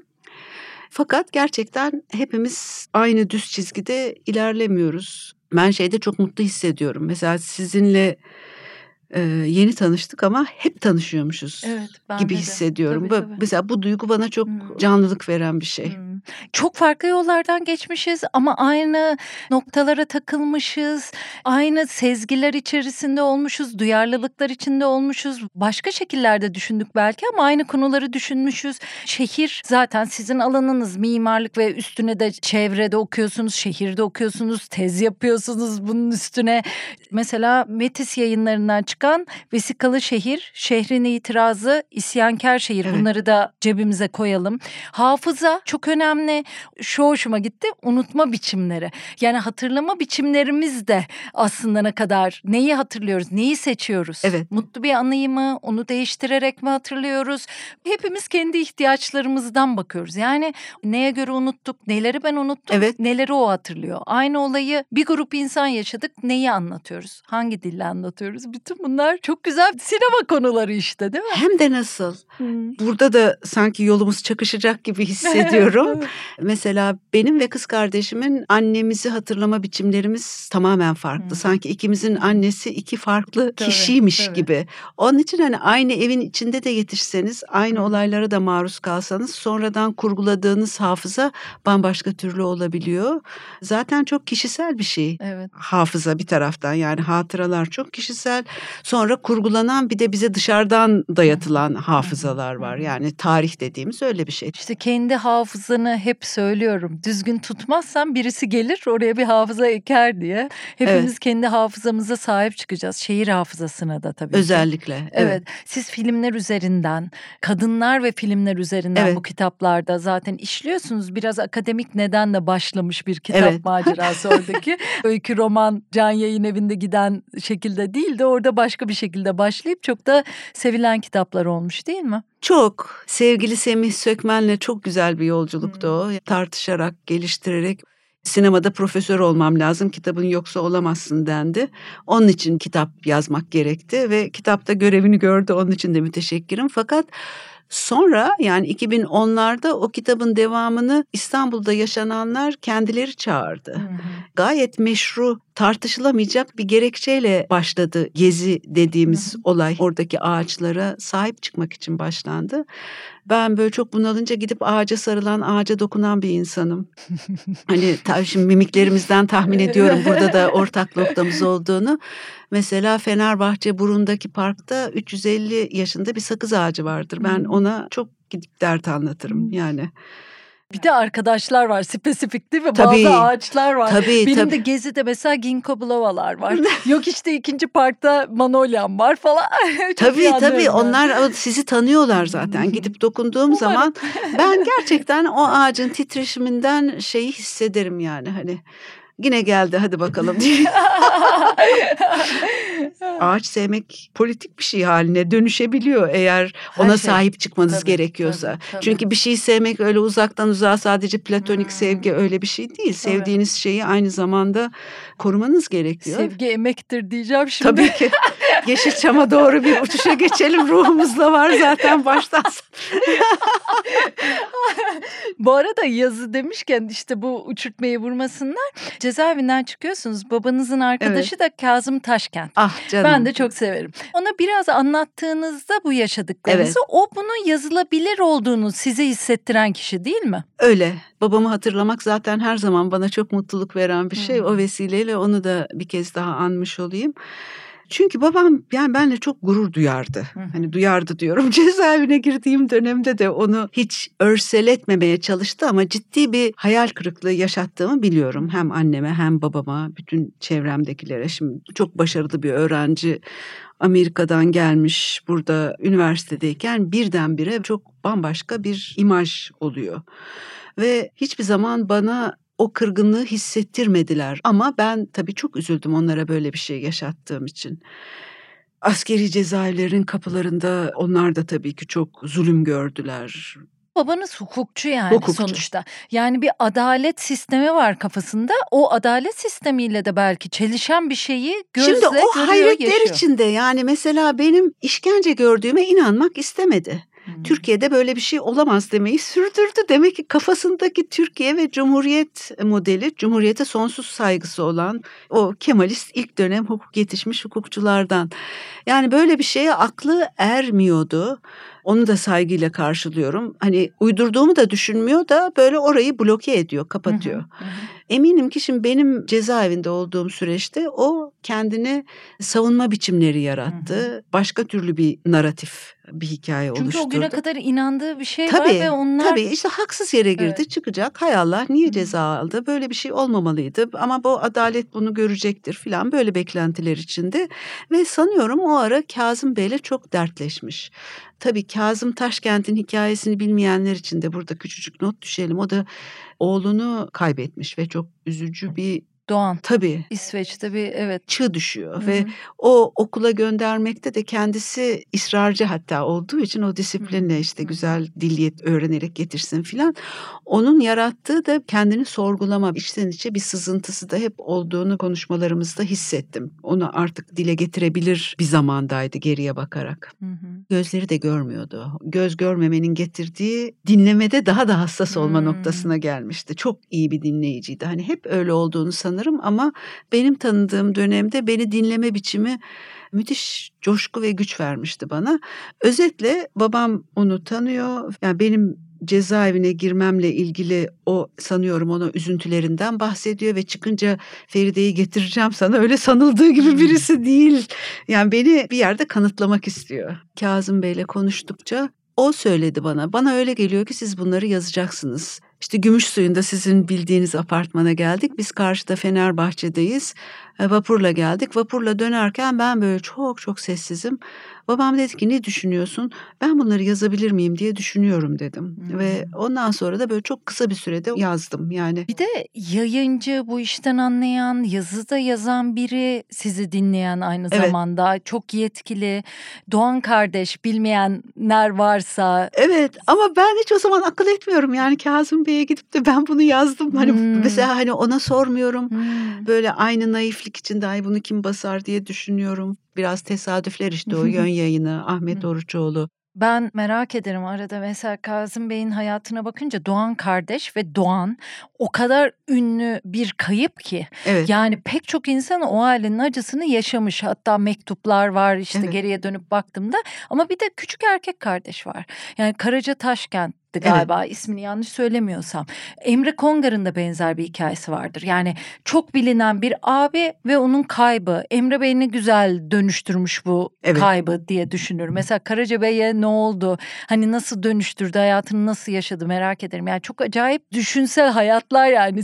Tam buradan da bağlayalım. Çok dallanmaya müsaitim ben. E, Kalem Yayın Evi'nde çalışmanız var ve İstanbul dergisi var. Yani şimdi İstanbul dergisi içinde siz çalışırken kendisi gibi olmak ifadesini kullanmışsınız. Galiba Uğur Tanyeli ile söyleşinizde. Evet. Ne kadar ben gibi benim gibi ilgi alanlarımla çakışan hayran olduğum bir kentle ilgili diye. Evet, yani biraz evet, o evet. yayıncılıktan da bahsedelim mi? Tabii ki memnuniyetle cezaevinden çıkınca 84 yılından bahsediyoruz o söz konusu değil tekrar üniversiteye dönme ihtimali. Zaten o dönem vakıf üniversiteleri de yok. Hani her şey devlet üniversitesi.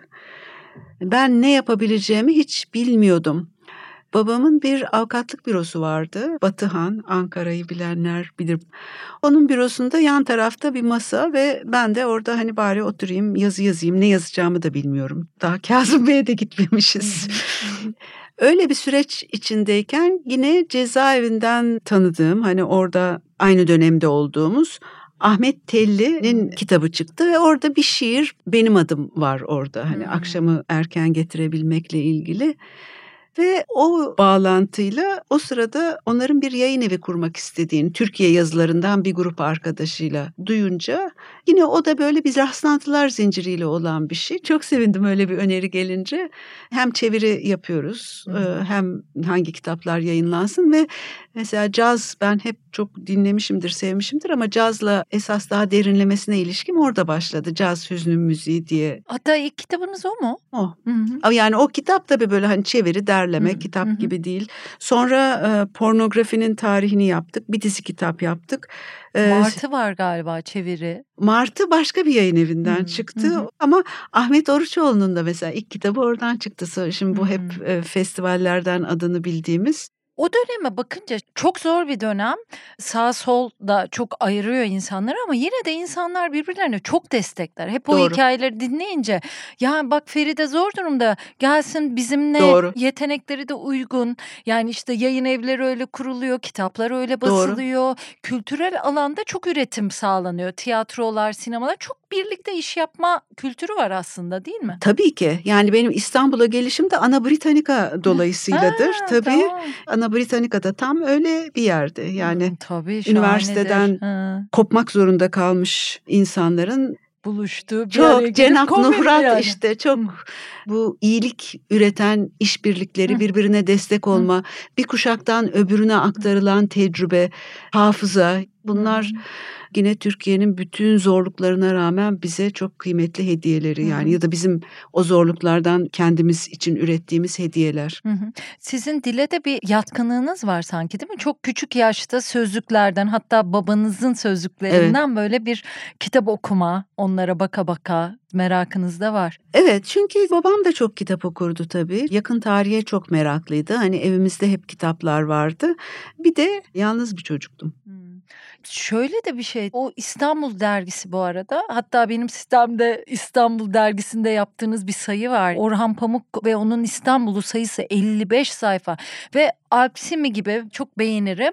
Onun fotoğrafları var vesaire. Hani bugün mesela ben Orhan Pamuk'un İstanbul kitabına da kaynak olduğunu düşündüm çok acayip sayılar var. Yani ben keşke arşivlerini ele geçirsem diye çok özendiğim bir arşiv aslında. Yani bu deli değişen şehirde çok önemli bir çapa mı denir işte Doğru. o yani. Doğru.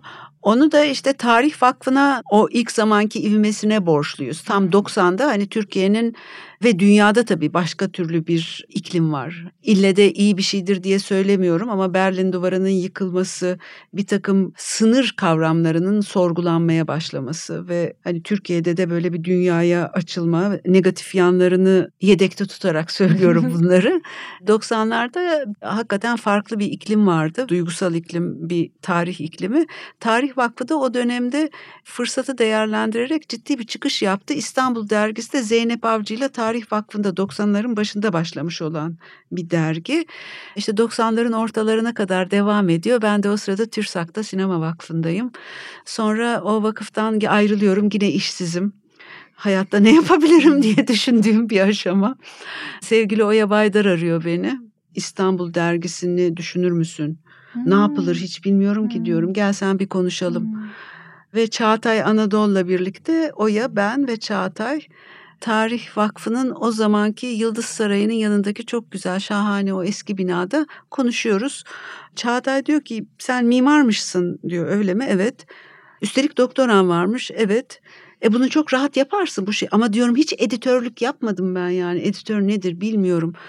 İşte diyor editör bir derginin mimarıdır. Ha, olur o zaman diyorum ben de. Yani iş görüşmesi bundan ibaret. Ve hemen başlıyorum 95'te. Çok mutlu, çok verimli bir dönem. Ee, oradan akademiye tekrar geri dönüşümde hayatın hediyesi. Tarih Vakfı Cumhuriyet'in 75. yılında bir dizi kitap yapıyor. Evet. Onlardan bir tanesi de işte bu Cumhuriyet'in aile albümleri bizim Oya Baydar'la yaptığımız ve Cumhuriyet sergisi. Sergiyi yapan yine ODTÜ Mimarlık'tan Cengiz Kabaoğlu sergi nasıl yapılır filan diye düşünüyoruz beraber. Ve o sergileri yapış sürecinde sergi tasarımıyla uğraşan Elif Ayiter'le tanışıyorum.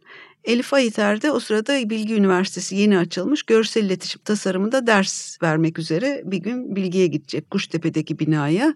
Bana diyor ki sen de gel. Gidiyoruz. İhsan Derman o zaman bölüm başkanı.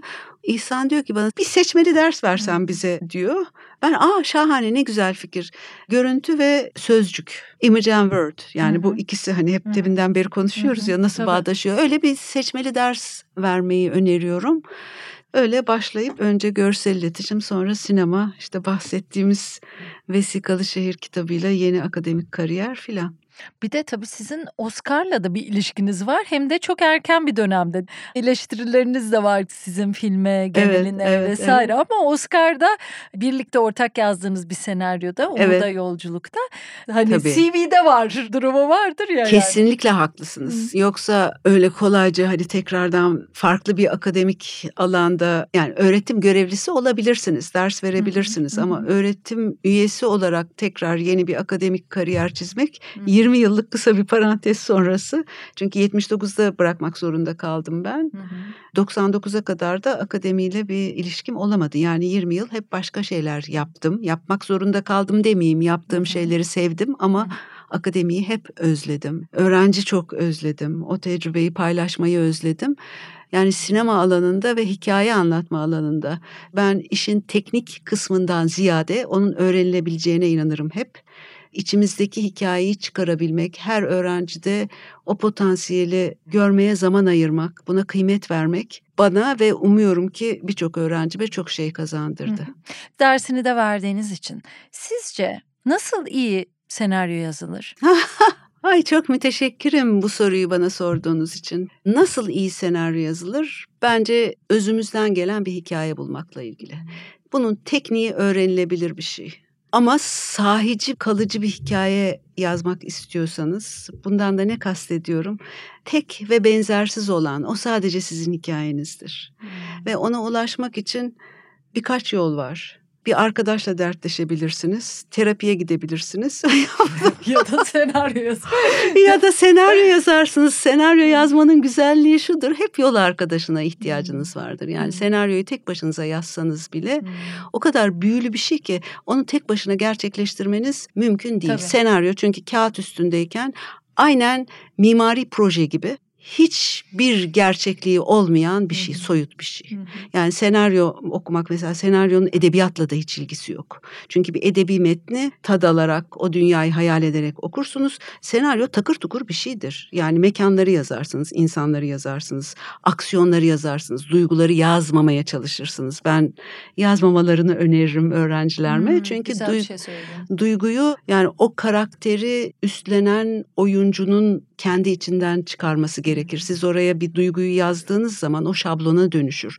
İşte tam da o noktada senaryo yazarı olarak e, göreviniz bittiği zaman sahneden çekilmemeniz lazım.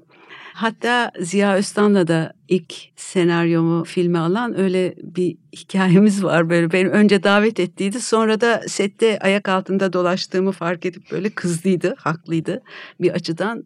Ne zaman bir film çekimi olsa mutlaka orada sette de olmak istiyorum. Yönetmeni tanımam şart. Onunla bir diyalog kurmam şart. Böyle yazacaksanız senaryo çok özünüzden gelen bir şey olması lazım. Dizi senaryosu için bile bunun böyle olduğunu iddia etmeme izin vereceğinizi ümit ediyorum. Veriyorum. ya hatta Tunç Başaran'la bir hikayenizi okudum sizin anlatımınız. İlk önce diyorsunuz ki Tunç kitap o kadar ağlak değil ne bu müzikler evet, gibi bir evet, müzik tartışması evet, yaşıyorsunuz doğru, değil mi? Doğru doğru işte o evet doğru yani Tunç dedi ki artık müziğe karışma bari.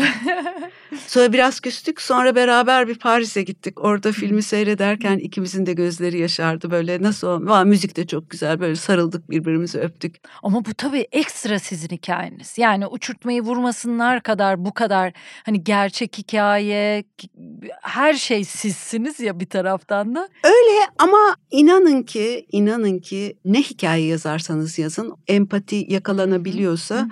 bence o yine çok öyle mesela şeyi söyleyeyim. Parmaklıklar ardında uçurtmayı vurmasınlar da yazamadığım her şeyi orada yazdım. Çünkü oradakiler de gerçek hikayeler. Hani tanıdığım hani bir karakteri birçok karaktere böldüm. Diyelim ki orada bir sümbül karakteri vardır mesela çok birebir bir karakterden uyarlanma. Ve o dizi de çok sevildi. O dizide de Sinop'ta hep setteydim. Dizinin yapımcılarıyla da beraber yani bana öyle bir alan açtılar. Oyuncularla konuştum, beraber oldum. Yöneten Nisan Akman. Tabii platformlar daha farklı ortamlar hani çok daha başka bir boyuta da geçti kuşkusuz. Özden gelen hikaye, özden gelen dizi belki daha farklı biçimde yürütülüyordur şimdi öyle tahmin ediyorum. Ben zaten o biçimde iş yapamayacak olunca işte öğrencilere aktarıyorum. Sizin için de çok öğreticidir bu arada. Yani o sahneyi nasıl çekildiğini, oyuncunun nasıl reaksiyon verdiğini görmek. Yani sizin bir sonraki yazımınız için çok kıymetli öğretiler Elbette. yani. Elbette. Mesela Xavier Koller evet Oscar aldı film. Hı hı. Çok kapılar açtı. Fevkalade memnunum ama filmi sevdiğimi söyleyemem. Hı. Yönetmenle bir daha çalışmayı düşündüm mü? Asla. Hı. Çünkü daha didaktik bir yere doğru taşıdı. Hı. Ama az önce bahsettiğimiz işte 89'da Berlin Duvarı yıkılmış. Dünyada farklı bir şey var ve o filmin de şansı hani beş film var o sene. En iyi yabancı film Oscar'ına aday olan. Onun öne çıkması işte orada Maraş'tan göçen bir aile en küçük çocuğunu orada donarak kaybediyor ve o Maraşlı ailenin Kürt bir aile. O zaman Kürt de denemiyordu. 1990'larda Maraşlı bir aile şeklinde sadece geçebiliyordu.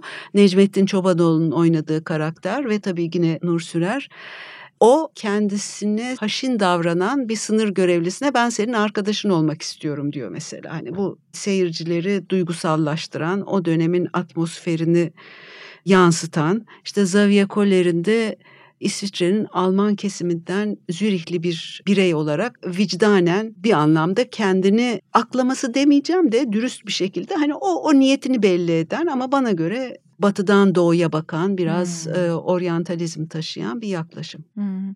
Peki nasıl iyi mimar olunur, nasıl iyi öğretim görevlisi olunur? Bunlarla da ilgili bir şeyler söylerseniz çünkü hepsini deneyimlediniz aslında. Hani yayıncılıkta var, yazı yazmak hepsi için hangisinden bir şeyler söylemek istersiniz ya da ortak yönlerinden bir şeyler? Bence siz söylediniz zaten onu. Yani hepsinin merkezine insanı koymuşsun hı hı. dediniz. Hı hı. Bu özetliyor. Yani sonuçta mimarlık bina da yaptığınız zaman onun içinde yaşayacak insanı düşünmeniz gerekiyor. Hikaye anlattığınız zaman o karakteri hissetmeniz öğretmenlikte zaten çok açık ve belli. Yani karşıdaki insanı veya karşınızdaki o binayı kullanacak olan sırf hani insan da olmayabilir bilmiyorum. Hayvanlar için de bir mekan tasarlıyor olabilirsiniz. Onu hissetmekle başlıyor bence. Ah çok güzel özetlediniz. Peki son sorum. Türkiye'de birlikte nasıl daha iyi yaşarız?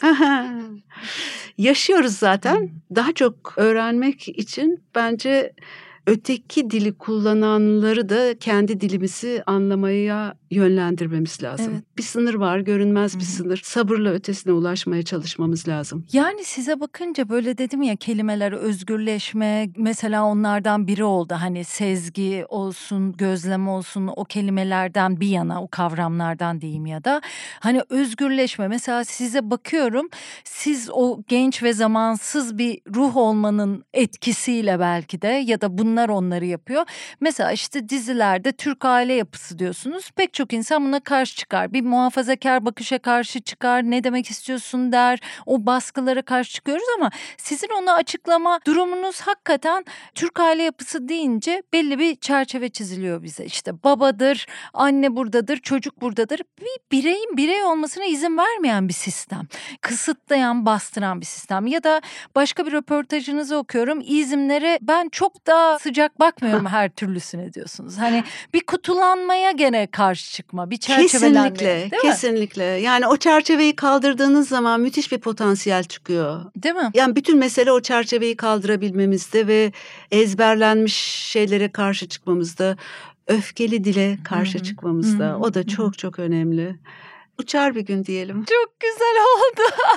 Şimdi Storytel'de daha önce okumuş ya da seyretmiş olanlar için uçurtmayı vurmasınlar. Bennu Yıldırımlardan çok güzel bir seslendirmeyle dinleyebilirsiniz. Feride Hanım çok teşekkür ediyorum. Unutulmaz bir sohbetti. Benim Sağ olun. Benim için de öyle. Bu bir başlangıç. öyle diyelim. Bu daha başlangıç diyelim. Teşekkürler tekrar. Çok sağ olun. Sağ olun.